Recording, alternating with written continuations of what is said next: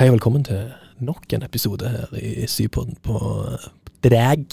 Og I dag skal vi ha en ny bolke. Det er personlighet. Vi skal snakke om trekk. Jeg har med meg to helt fantastisk nye gjester.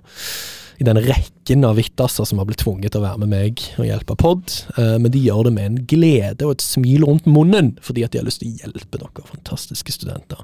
Så kan vi begynne med at dere introduserer dere, så du kan få lov å starte. Fortell, hvem er du? Oi, det hørtes vanskelig ut. Ja.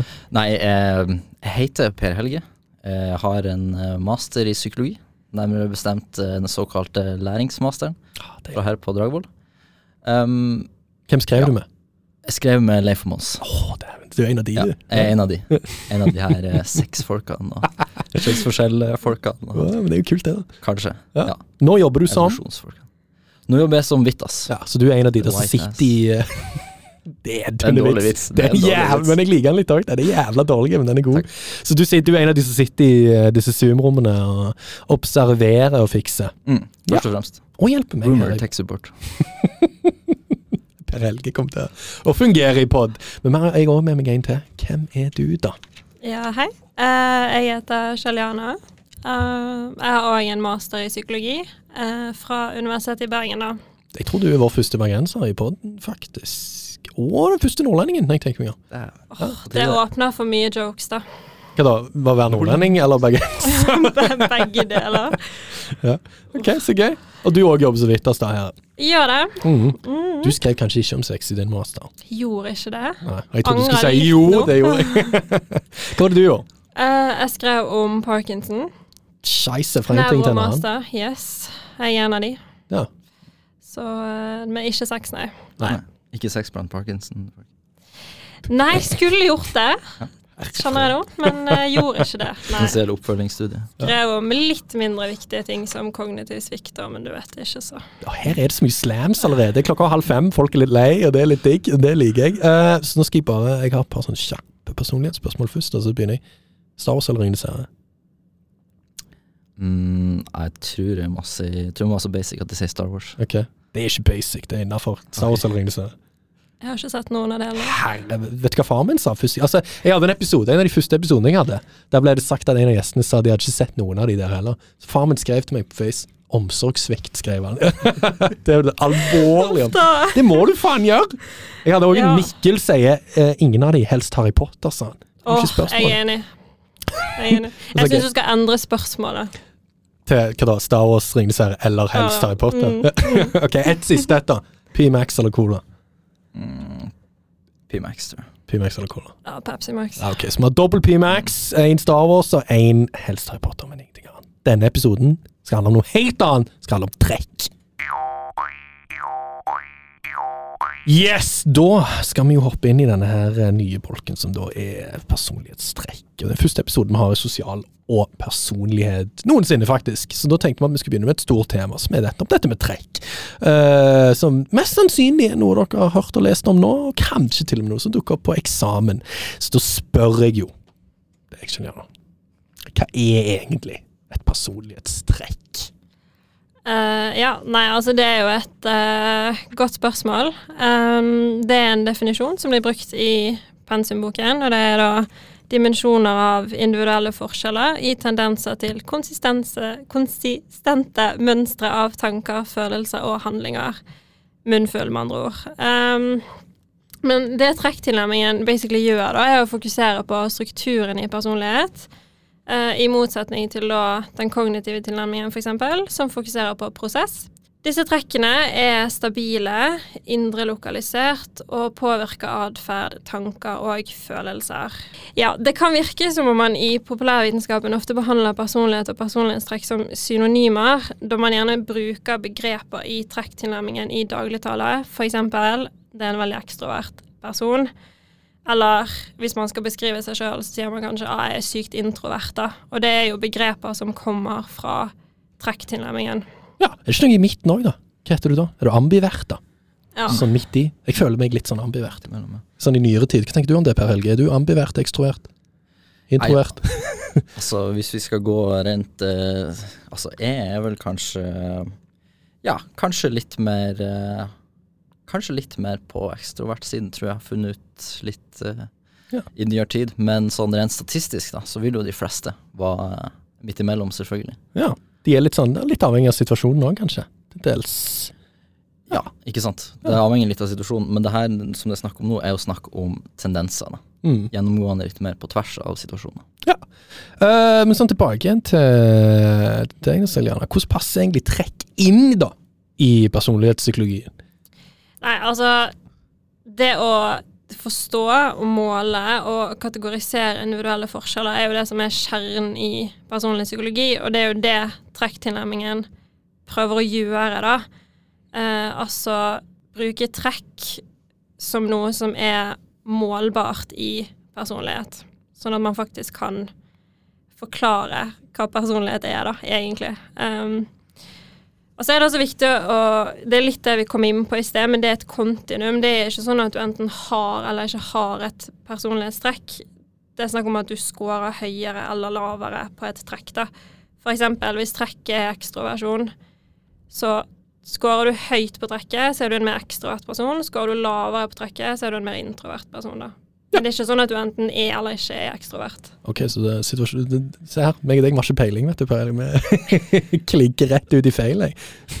Nei, men jeg tenker det er en, egentlig en god huskeregel, apropos ordet continuum. Jeg vet ikke om det er et sånn eh, fancy ord, men det betyr jo egentlig bare en uh, Det er et fancy ord. Er det et fancy ord? Det er, jeg vil si at det er et fancy ord. Iallfall hvis du bruker det så smooth i norsk, sånn som du gjorde. Ja. ja, ja. Du sa til og med 'continuum' og ikke 'continuum'. Åh, gud. Jeg har lest for mye engelsk. Jeg beklager. Ja, men det er deilig. Ja, men Det er fortell, fortsett. såkalt uh, curse of knowledge. Man vet ikke hva annet synes er komplisert eller ikke er avansert ord.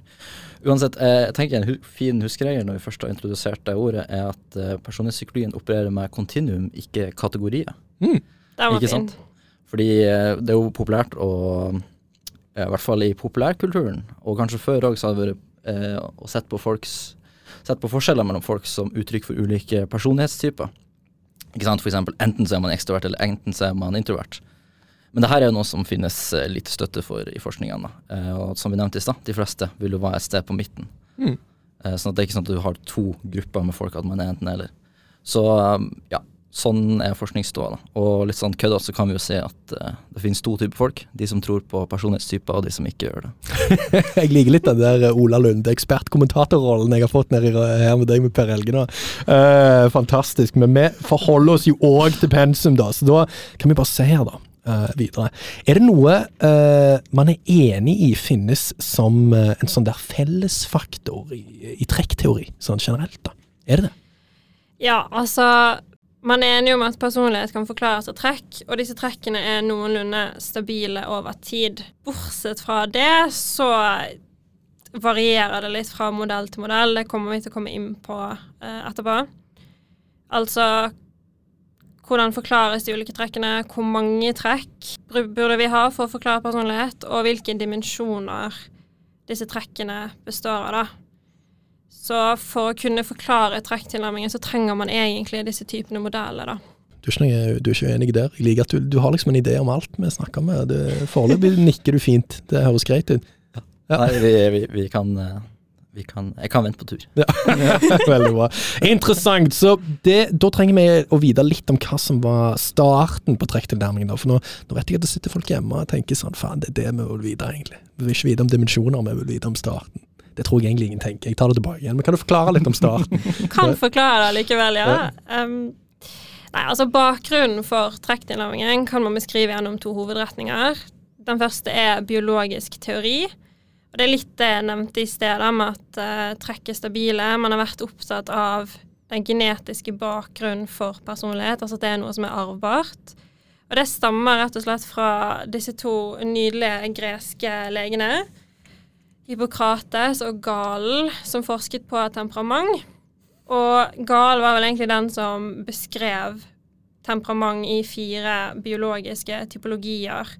Altså at de da begrunnet individuelle forskjeller i temperament med at det hadde biologiske årsaker. Det Ja. høres eh, litt uh, artig ut på bergenser, gjør det ikke? Galen. Det høres bra ut på stavangersk òg. Ja. Du spinngalen, sier vi da egentlig. Kanskje det, kanskje det Ja, er det meste høres jo bra ut når du kommer ned på Vestlandet, da, ikke det? Oi, der legger jeg dypt ut der. Jeg beklager for alle nordlendinger der ute. Jeg, jeg slenger det rett ut her at det var en bergenser som sa det, og ikke stavangermannen som prøver å være åpen, filosofisk og ikke minst diplomatisk. Ja, men vi får så mye drit for dialekten min ellers, så da må jeg liksom Gjør du det? Ja, herregud. Jeg får ikke så mye drit. Hver gang jeg dukker opp på Fors, så er det en eller annen idiot som bare Er du fra Bergen? det er ikke så mange som gjør det med meg. Uten unntak. Ah, Kanskje litt, det er litt vanskeligere å etterligne min. Ja. smooth. Det er litt lettere å på en måte bæsje på Bergen. jeg. Nå skal det sies, da. Jeg har bodd i Bergen i eh, tre-fire år. Fire år, faktisk. Skjønner ikke hvorfor jeg sa tre-fire år. Jeg har bodd i Bergen i fire år før jeg flytta til Trondheim. Det er det som jeg pleide å si, da, at bergensere pleier å se på stavangerfolk litt sånn nedlatende. Ja, vi gjør kanskje det. Ja, sant? Så jeg, jeg har ingenting eh, til jeg, altså, Det er helt greit hvis folk bæsjer litt på bergensk. Det er helt greit. det. Det, dere får lov. Det er videre lov. Og det er lett å etterligne òg, da. Men bergensere er veldig tøffe. da, egentlig. Eller det er lett å prøve å etterligne, tror jeg vi sier. Det tror jeg er mer riktig. da. Ja. Ja, men Du er vel ikke fra helt inni Du er ikke Fana sentrumskjernen? eh, Nei, jeg er litt utenfor, men jeg har ganske bybergensdialekt, altså. Jeg har det. Ok, ja, men det, da Det tror er ikke på så mye stril. Det er ikke så Fordi mye dere som tok den eh, referansen. Men tilbake igjen til trekk, da. Så i forhold til dette du sa med at eh, det, det begrunner individuelle forskjeller i temperament med biologiske årsaker, og jeg tror òg Hippokrates og Galen det blir nevnt i historieboka, hvis jeg ikke tar helt feil. Tror det, at det blir nevnt der i noen av de tidlige kapitlene. Så for de som har lyst til å se litt nærmere på det, kjør på. Uh, men du må utdype litt for oss uh, som syns historie, og ikke minst filosofi, at det er litt stress. Så her må du utdype litt. Det, det kan jo være at noen syns kapittel 1, 2, 3, 4, 5, 6, 7, 8 og 9 og 10 i historieboken er litt kjip av og til. Så da Du, det er veldig forståelig. Ja. Det, ja. Mm. Nei, altså Hippokrates levde jo lett, rett før eh, Kristus. Gal 300 år før Kristus er kanskje ikke rett før Kristus, men ja. Altså i vår tidsskala, så blir jo det litt sånn Relativt før Kristus, ja. Det er jeg med. Rett før. Um, ja, da skal jeg ikke si det samme om Galna. Han levde rundt 200 år etter Kristus. Rett etter, rett etter Jesus, da. Rett etter Jesus, faktisk. Rett etter Jesus, vel å merke. Ja. Um, men ja, som sagt i sted, de var greske leger, og på Hippokrates sin tid da, så mente man at hvis uh, man var syk, så var det fordi Gud av en eller annen grunn var litt misfornøyd med deg. Um, jeg lærte jo ja, Man kan jo le av det i dag, da, men de, det var de veldig seriøse med på hans tid. Uh, eller at det var en eller annen overnaturlig årsak til at man ble syk. Og så var Hippokrates litt sånn eh, Kan jo være en biologisk grunn til det. Så han mente da at Eller han kom fram til at vi har da væsker i kroppen, og når de er i ubalanse, så blir vi syke. Han mente også at kroppen vår besto av fire kroppsvæsker. Litt uvisst hvilke, det er ikke så viktig. Det Gale gjorde, var at han hentet ut inspirasjon av Hippokrates sin lille typologi med fire væsker, og mente at man kunne gjøre det samme med temperament. Det er kult. En ting som jeg har lyst Ja, en ting som Ja, fortsett. Først si det du skal. Nei, jeg bare prøver å komme på de her fire typene. Var det ikke sånn eh, flegm og Så det er flegmatiker og sangviner og Jo, Du, det er noe sånn, altså. Det Ja. annet. Men jeg tror òg at det ikke er så viktig å kunne på eksamen. Nei, det det merke. Men, det er eh, sikkert like greit at vi ikke nevner de, men de står nok i historiebøker. For Ja, de som det det. interessante. Det jeg- faktisk, de står i personlighetsboken. Uh, ok, da har vi det. Men det jeg egentlig skulle si, var at jeg liker måten du sitter på. Sånn, Det, det ser ut som du, du har hånda på eh, Vi sitter jo med noen Altså- sånne deilige øretelefoner, så det ser ut som du spiller en jævlig frekk Timberland-tune liksom nede i hjørnet der. Det er litt sånn Problemet her er at dette headsetet er for stort. Så du sier du har lite hode, egentlig. Jeg har det, altså. Første gangen, første gangen en gjest her inne har hatt det problemet. Så jeg liker det. Det var liksom derfor jeg bemerka meg så godt at det var sånn Timberland-vibes Ja. Men hvis det ser kult ut, da, så er det greit. Ja,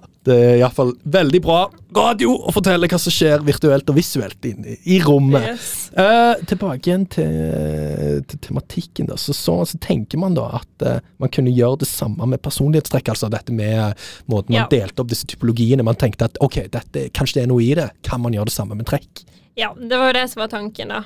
Um, og det er jo derfor det har fått et utspring fra den biologiske hovedretningen. Så det var litt av grunnen til at man begynte å tenke at ok, kanskje vi kan begynne å definere personlighet i trekk, Ja. altså en typologi. Den andre hovedretningen er da den leksikalske hovedretningen, og det handler egentlig bare om at vi tenkte at ok, i lang tid så har vi brukt um, språket vårt for å forklare personlighet. Når vi skal snakke om andre, så bruker vi ord for å beskrive dem. Og da tenkte man at okay, da må disse trekkene eksistere i språket vårt, og da kan vi finne ord som uttrykker personlighet, eller altså individuelle forskjeller mellom oss. Altså må man finne ord som kan brukes til å forklare menneskelige egenskaper, basically. Det er ganske mange som har prøvd seg på det, da, og det står jo nevnt ganske mange folk i pensumboken.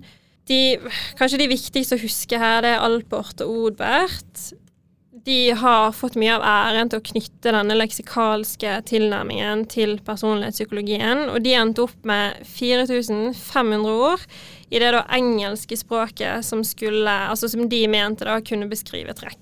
Så her er du veldig bokstavelig når du snakker om den leksikalske tilnærmingen, for de som syns det var et forvirrende begrep, da. Ja, absolutt. De så rett og slett jo... å bruke liksom en ordbok, nesten, eller yes. sånn. Hva, hva, hva er det i vårt språk som kan forklare personen egentlig. Det er jo litt Som forklarer sånn, menneskelig atferd. Slå opp i en ja. ordliste og yes.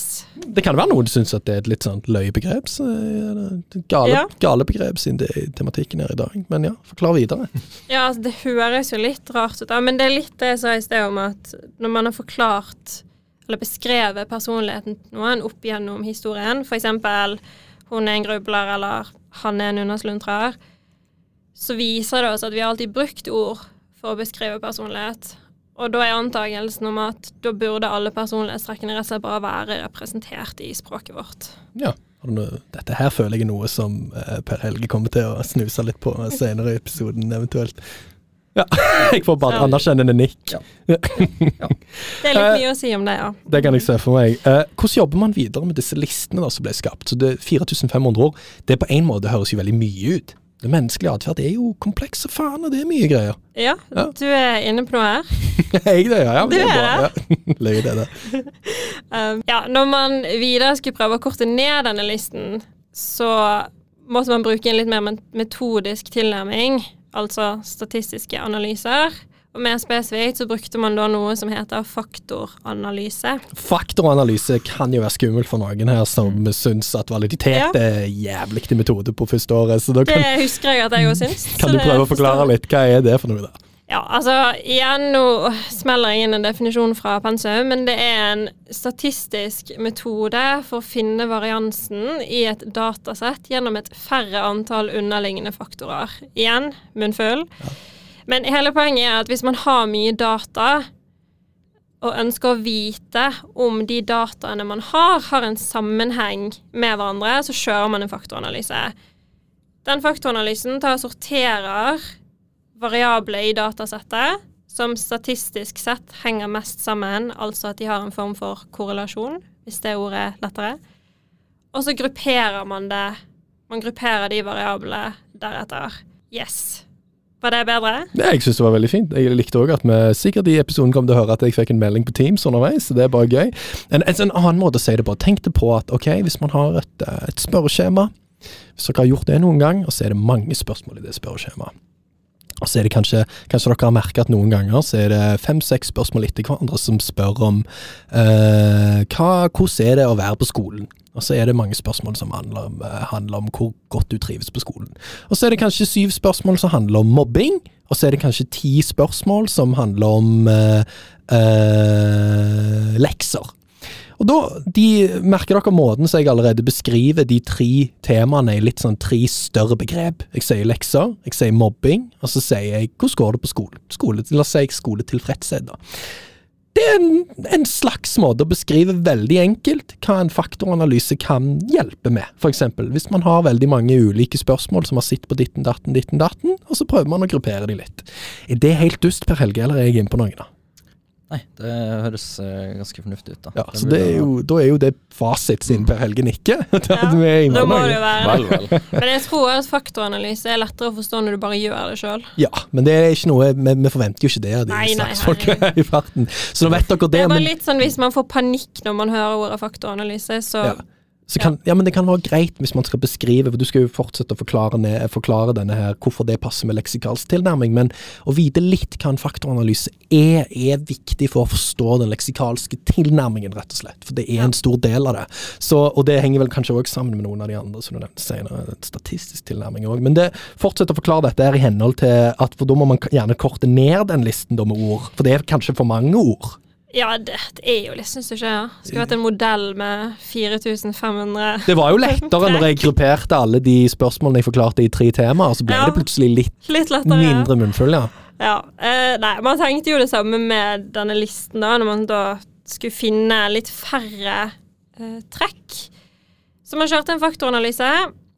Rett og slett bare for å finne om noen av disse ordene kunne gruppere sammen for å danne litt større ord, da, eller dimensjoner. Det er da Raymond Cattell som gjorde det, eller som på en måte har blitt kreditert om å gjøre det med denne listen til Alport Odberg på 4500 ord. Han skal vi snakke om litt etterpå, men han kan det være viktig å bare notere seg bak i øret, da. Ja, men den er fin. Det som Eh, er litt artig å tenke på, er jo kanskje at det her, eh, som er mye annen statistikk som kom, eh, som de folk holdt på med før man fikk datamaskiner, så måtte de jo gjøre det her fra hånd. Det er faktisk ganske morsomt å tenke på. Det Ja. er det. Er sykt, da! Tenk så lang tid han må ha brukt. Ja. Cattle, da, eller? Uh, Cattle som gjorde det, da. Ja, ja. Det, Nå er det et par knapper i SPSS, liksom. Eller en kommando, kommando i Stata, eksempel. ja, eller Til og med det er jo vanskelig og komplisert nok i seg sjøl. Tenk det er betryggende å høre at til og med ferdigutlærte masterelever ennå syns at et par trikk kan være jævlig på et statistikkprogram. Men det, det er helt sykt å tenke på, faktisk. Det er mye jobb og arbeid. Det er nesten så du Det er nesten så man nesten validerer det alene bare basert på arbeidsinnsatsen. Det er veldig At kult. God, ja. Ja, veldig imponerende. Mm, Du jobber skikkelig hardt, så du har sikkert rett. Ja. Uh, tilbake, da. Hva er, eh, nå har vi jo hørt litt på dette, men hva er de klassiske trekkmodellene, da? Hvis vi kan spørre om det. Ja, nå har vi da forhåpentligvis forklart hvordan uh, trekktilnærmingen i det hele tatt oppsto. Og da ser man jo at man trenger modeller for å kunne snevre inn trekk og gjøre det til noe mer målbart. Pensumboken fokuserer på egentlig to, men nevner tre modeller. Det er da de vi skal fokusere på her. Bare husk at det fins ganske mange som har ulik popularitet og ulik evidens der bak seg. Ja, men vi kan begynne med Kartell. Han har sin egen modell på 16 faktorer. Han eh, ja, videreførte jo da arbeidet til Alport Odberg. Tok utgangspunkt i denne her listen på 4500 ord. Gjorde en faktoranalyse og endte opp med 16 trekk, eller personlighetsfaktorer, da. Ok, så det kan jo være greit å notere seg litt da, i forhold til, uh, i forhold til eksamen og det å forstå dette. her. Spenstig, veldig, veldig veldig interessant. Vi skal nærmere inn på noen av de der metodiske detaljene senere, for de som lurer litt på det. Uh, Jeg kan også fortelle at en viss bergenser syns det er varmt inne i rommet. Fikk ikke med seg memoen om at vi trengte T-skjorte her inne, men møtte opp i full genser. Uh. Det var ikke jeg som ikke fikk det med meg, det var du som ikke nevnte det. Men det Nå har jo jeg definisjonsmakt her i poden, så selvfølgelig ble dette sendt ut. Eh, avhengig om dette blir klippet vekk eller ei, så får jeg se hvor mye, hvor mye ære eller kritikk jeg tar sjøl, men eh, ja. Den Ja. memoen skal være stor neste gang. har jeg får beskjed om. Men eh, fortsett opp. Du, nå har vi jo nevnt litt dette med, med, med cattle. Eh, Hva tenker pensum om cattle, da? Nei, altså Er det kartell eller cattle? Jeg sier cattle. Jeg, det er, jeg. Ikke. Det er, er ikke det kyr? Jo, jeg, det er derfor jeg måtte spørre. Eh, C-A-T-T-E-L. Kartell. Vet ikke. Ja, cattle. Litt sånn Men jeg, jeg vet jo egentlig aldri, for jeg tar jo alltid min bergenserdialekt og på en måte påfører det på alle ord. Så jeg, jeg kan jo egentlig aldri vite om jeg sier ord I riktig. Bergen så sier man ikke kontinum. Gjør man det? Det kan nekte jeg å tro. Ja. Si kartell, da. Skal vi si det? Kartell. Ja. Ja. Men hva sier pensum om kartell? Nei, pensum sier ikke så veldig mye om han. Ja, det er jo bra vi har brukt tid på den. Nei. Ja. Nei. Nei, eh, så hvis, altså, pensum nevner heller ikke hva disse 16 trekkene er, hva de heter, så det er egentlig ikke så veldig viktig å vite, da. Så det skal vi egentlig ikke gå så veldig inn på. Men han er viktig å vite om, fordi han er veldig sentral i det teoretiske aspektet av å utvikle hele trekktilnærmingen. Han gjorde mye av grunnarbeidet med å finne få nok ord som beskrev personlighet, sånn at man i det hele tatt kunne utarbeide en modell, og var en av de første som benyttet faktoranalyse til å gjøre nettopp det. da. Så det er veldig mange i fagfeltet som kom etter han, som har tatt utgangspunkt i hans modell, og de har utarbeidet sine egne modeller. Altså han er viktig for å forstå helheten da i trekktilnærmingen.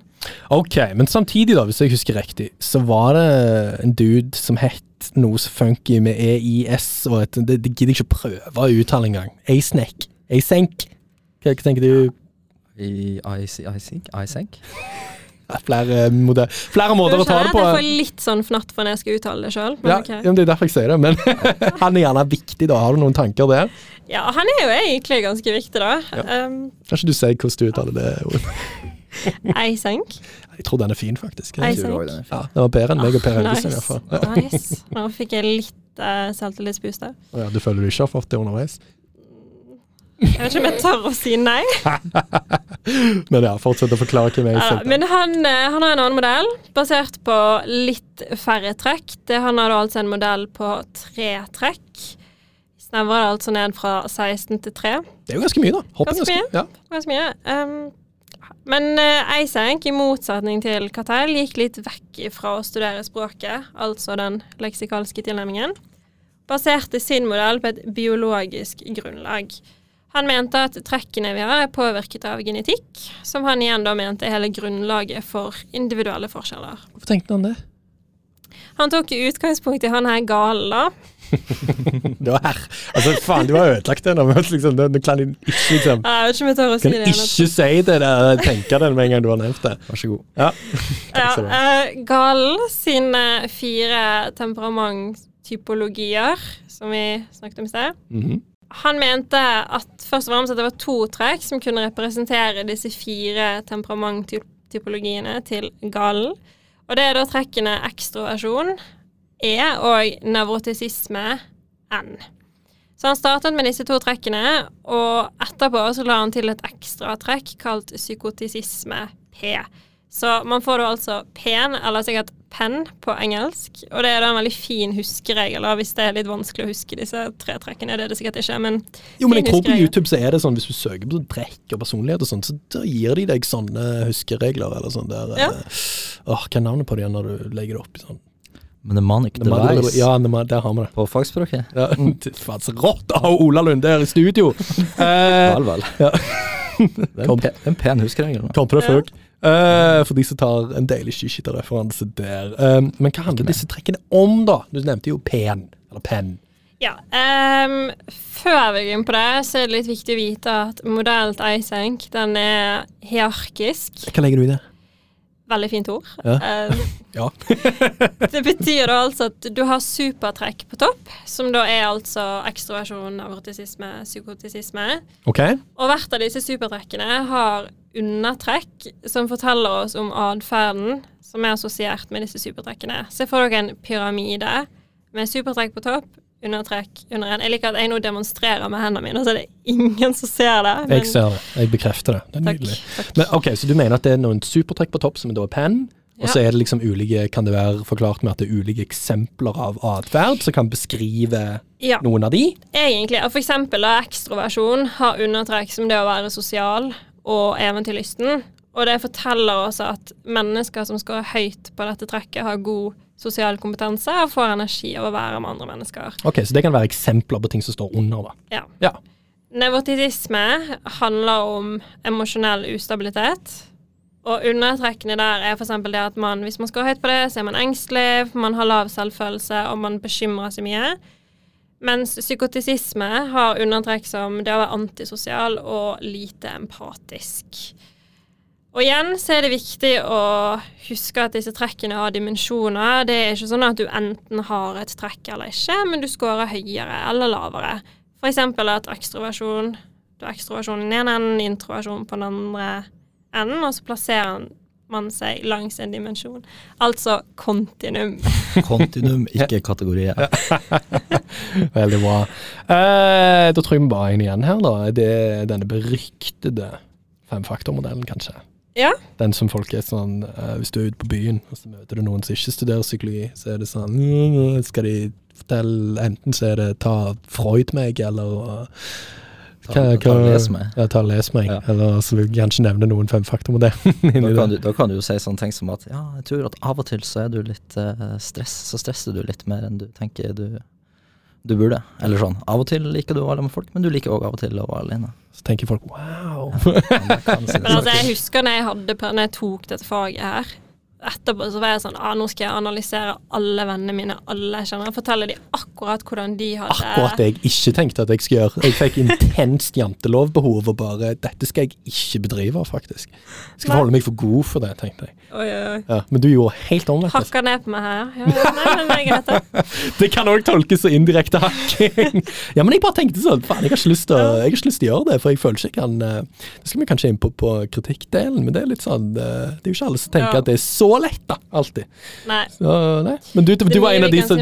Du var heller en av de som tenkte nå skal jeg gå ut og teste dette litt i praksis. Ja, ja. Ja, det er jo lov, det. da. Mm, Hadde ikke så gode resultater, men det er jo ikke så viktig, da. Men tilbake igjen til Ja, femfaktormodellen. Femfaktormodell, yes. Garantert den mest kjente. Den i jo som regel det. Ja, det er jo det, vi kan vel si det, Ja. er det ikke det? Jo. Jeg syns ikke at det er for uh... Jeg tror man har hørt om femfaktor før jeg, jeg, snink- jeg, jeg senk, ja. Men på nå, Ja, nå skal jeg slutte å avbryte. Fortell, hva er det? Åh, prestasjonspress. Nei, men uh, Den tar altså utgangspunkt i den leksikalske tilnærmingen Igjen med dette vanskelige ordet. Leksikalske tilnærmingen. Dette her med da å finne ord som beskriver personlighet. En språktilnærming, egentlig. Språktilnærming, ja, jeg, det er jo egentlig det Hvis du skulle oversatt leksikalsk til en litt mer brukervennlig ord, så hadde jo Mm. Men det var jo det, altså det. det er jo så enkelt som den metoden du sa for hvordan man skal komme fram til å forklare trekk. Ja, Og så er det det at man bruker den én tilnærming, er jo liksom å ta den der språkrette eller leksikalske tilnærmingen til å forklare menneskelig atferd gjennom det man vet fra språket. Ja. Språk er definisjonsmakt. Dæven, Det har man. der var du god. Skal vi slutte episoden der, kanskje? Nei. Nei. Ok. Ja, men eh, ja, eh, tilbake til det som står på manuset mitt. Det er flere som er kreditert som viktige bidragsytere til utviklingen av disse fem trekkene. Det er Tupes og Crystal. Der sa jeg sikkert feil, beklager. Jeg kan være krystall. Tupé krystall. Canadian? Nei, jeg vet ikke. Ikke det Jeg var vet ikke. alkohol, Kristian? Uh, I don't know. Ja, de får mye av æren. Uansett, de får mye av æren for å identifisere femfaktormodellen på tidlig 60-tallet. Det gjorde de ved å prøve å reprodusere Cartel sine 16 trekk. Igjen viktige paralleller her, da. Ja, Det virker som veldig mange av de som du har nevnt, henger litt sammen òg, på sett og vis. Og da mener du ikke det henger sammen med at, men, men at den ene for eksempel har inspirert en ny tilnærming, eller at det liksom mye har blitt utarbeida ut fra tidligere ideer, da.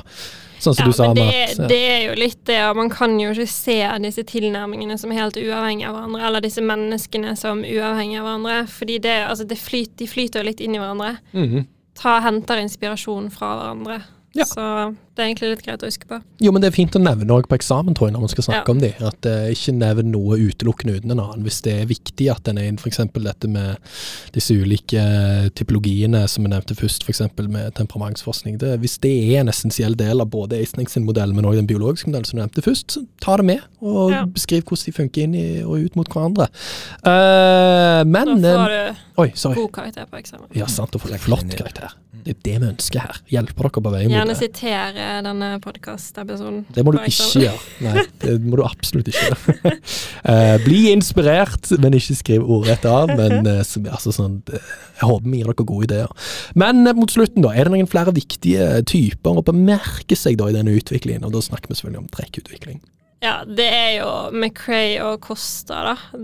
Veldig viktige. Det, det er egentlig bare å notere seg med en gang. De utviklet femfaktormodell sånn som vi kjenner den i dag. Ah, Og de utviklet også personlighetstesten, som er assosiert med femfaktormodellen, som heter NeoPR. den tror jeg folk har hørt om, derimot. Kanskje. Ja. Kanskje. Ja, kanskje. den, den ringer et par bjeller hos meg, iallfall. ja. Mm. Så NEO står for trekkene nevrotisisme, ekstroversjon og åpenhet, eller openness på engelsk. PI står for personality inventory, mens R står for revised. Mm. okay. Ja. Og så høres det jo kanskje litt merkelig ut, fordi dette er jo fem trekk og ikke tre. Men Costa og McRae de tok først utgangspunkt i de tre trekkene, altså nevrotisisme, ekstroversjon og openhet. Det var en fin blanding mellom engelsk og norsk. Åpenhet, openness, whatever you prefer. Så utvidet de altså modellen sin etterpå til å inkludere to trekk til. Det er da planmessighet og omgjengelig. På samme måte som Eiseng sin modell, så er disse trekkene foreslått som overordnede dimensjoner som alle har sine undertrekk. Så vi er tilbake til denne pyramiden, da. største forskjellen mellom Eiseng sin trefaktormodell og femfaktormodell er egentlig bare antall trekk. For nevrotisisme og ekstroversjon har vi egentlig allerede snakket om, for de to modellene deler disse to trekkene. Så har vi åpenhet. Det er en overordnet dimensjon som har undertrekk som inkluderer det å ha livlig fantasi og like å prøve ut nye ting og generelt være en nysgjerrig type, da. Omgjengelighet og undertrekk som det å være ærlig og omtenksom. Og folk som scorer høyt på omgjengelighet, viser medfølelse og tillit og søker etter å samhandle med andre, altså unngå konflikter, da. På folkemunne gjerne litt konfliktsky, egentlig. Planmessige folk, altså de som scorer høyt på trekk i planmessighet, er folk som gjerne blir definert som ansvarlige, selvstendige, altså det er mye selvdisiplin. De er veldig ordentlige, og organisert, og planmessighet er et trekk som ses veldig ofte i yrkessammenheng. Da, og da snakker vi gjennom folk som har høye ambisjoner og veldig god arbeidsmoral. Da har vi vært gjennom de fleste. Deilig. Eh, takk skal du ha, Silje. Nå har jeg jo hinta litt til at vi skal ha kritikk, men eh, da må dere vente til del to. Er det noe du vil si for folk som kanskje vurderer å slutte her på del én? Hvorfor må de høre på del to? Fordi det er del to, det blir spennende og kompliserende, så, Ja. på å si. så kanskje ikke så spennende. Nei, men det kan bli det kan, som liker komplikasjoner. Ja, men det kan bli presentert noen deilige perspektiver som kan være nyttige til eksamen. Og eh, akkurat her, i, sånn som alt annet, man kan ikke ta altfor god fisk. Det er ofte, noe med fisken som burde det, det, nå, nå leker jeg med en sånn saying som ikke er en saying. Ja, det, men uh, definitivt verdt å høre ser Du ser litt sånn på Helgeir at en ser litt sånn kritisk på Ja, jeg ser allerede kritisk på min bruk av her, jeg tok ikke det her helt for god fisk. Nei, det var jævla seig fisk. Men tusen Men, eh, takk, uh, Siljana. Uh, hør på del to. Den uh, skal meg og Per Helge, og kanskje Siljana også blir med og hører. Nei, kaster du meg ut? Nei, jeg vet ikke om du hadde dårlig tid. Det går fint. Ja, det går fint, sier du. Se, nå legger jeg press på å bli i runde to. Men hør på runde to, så får vi presentere litt eh, nye perspektiver på disse personlighetsmodellene, og jeg håper dere blir med videre. Thank you!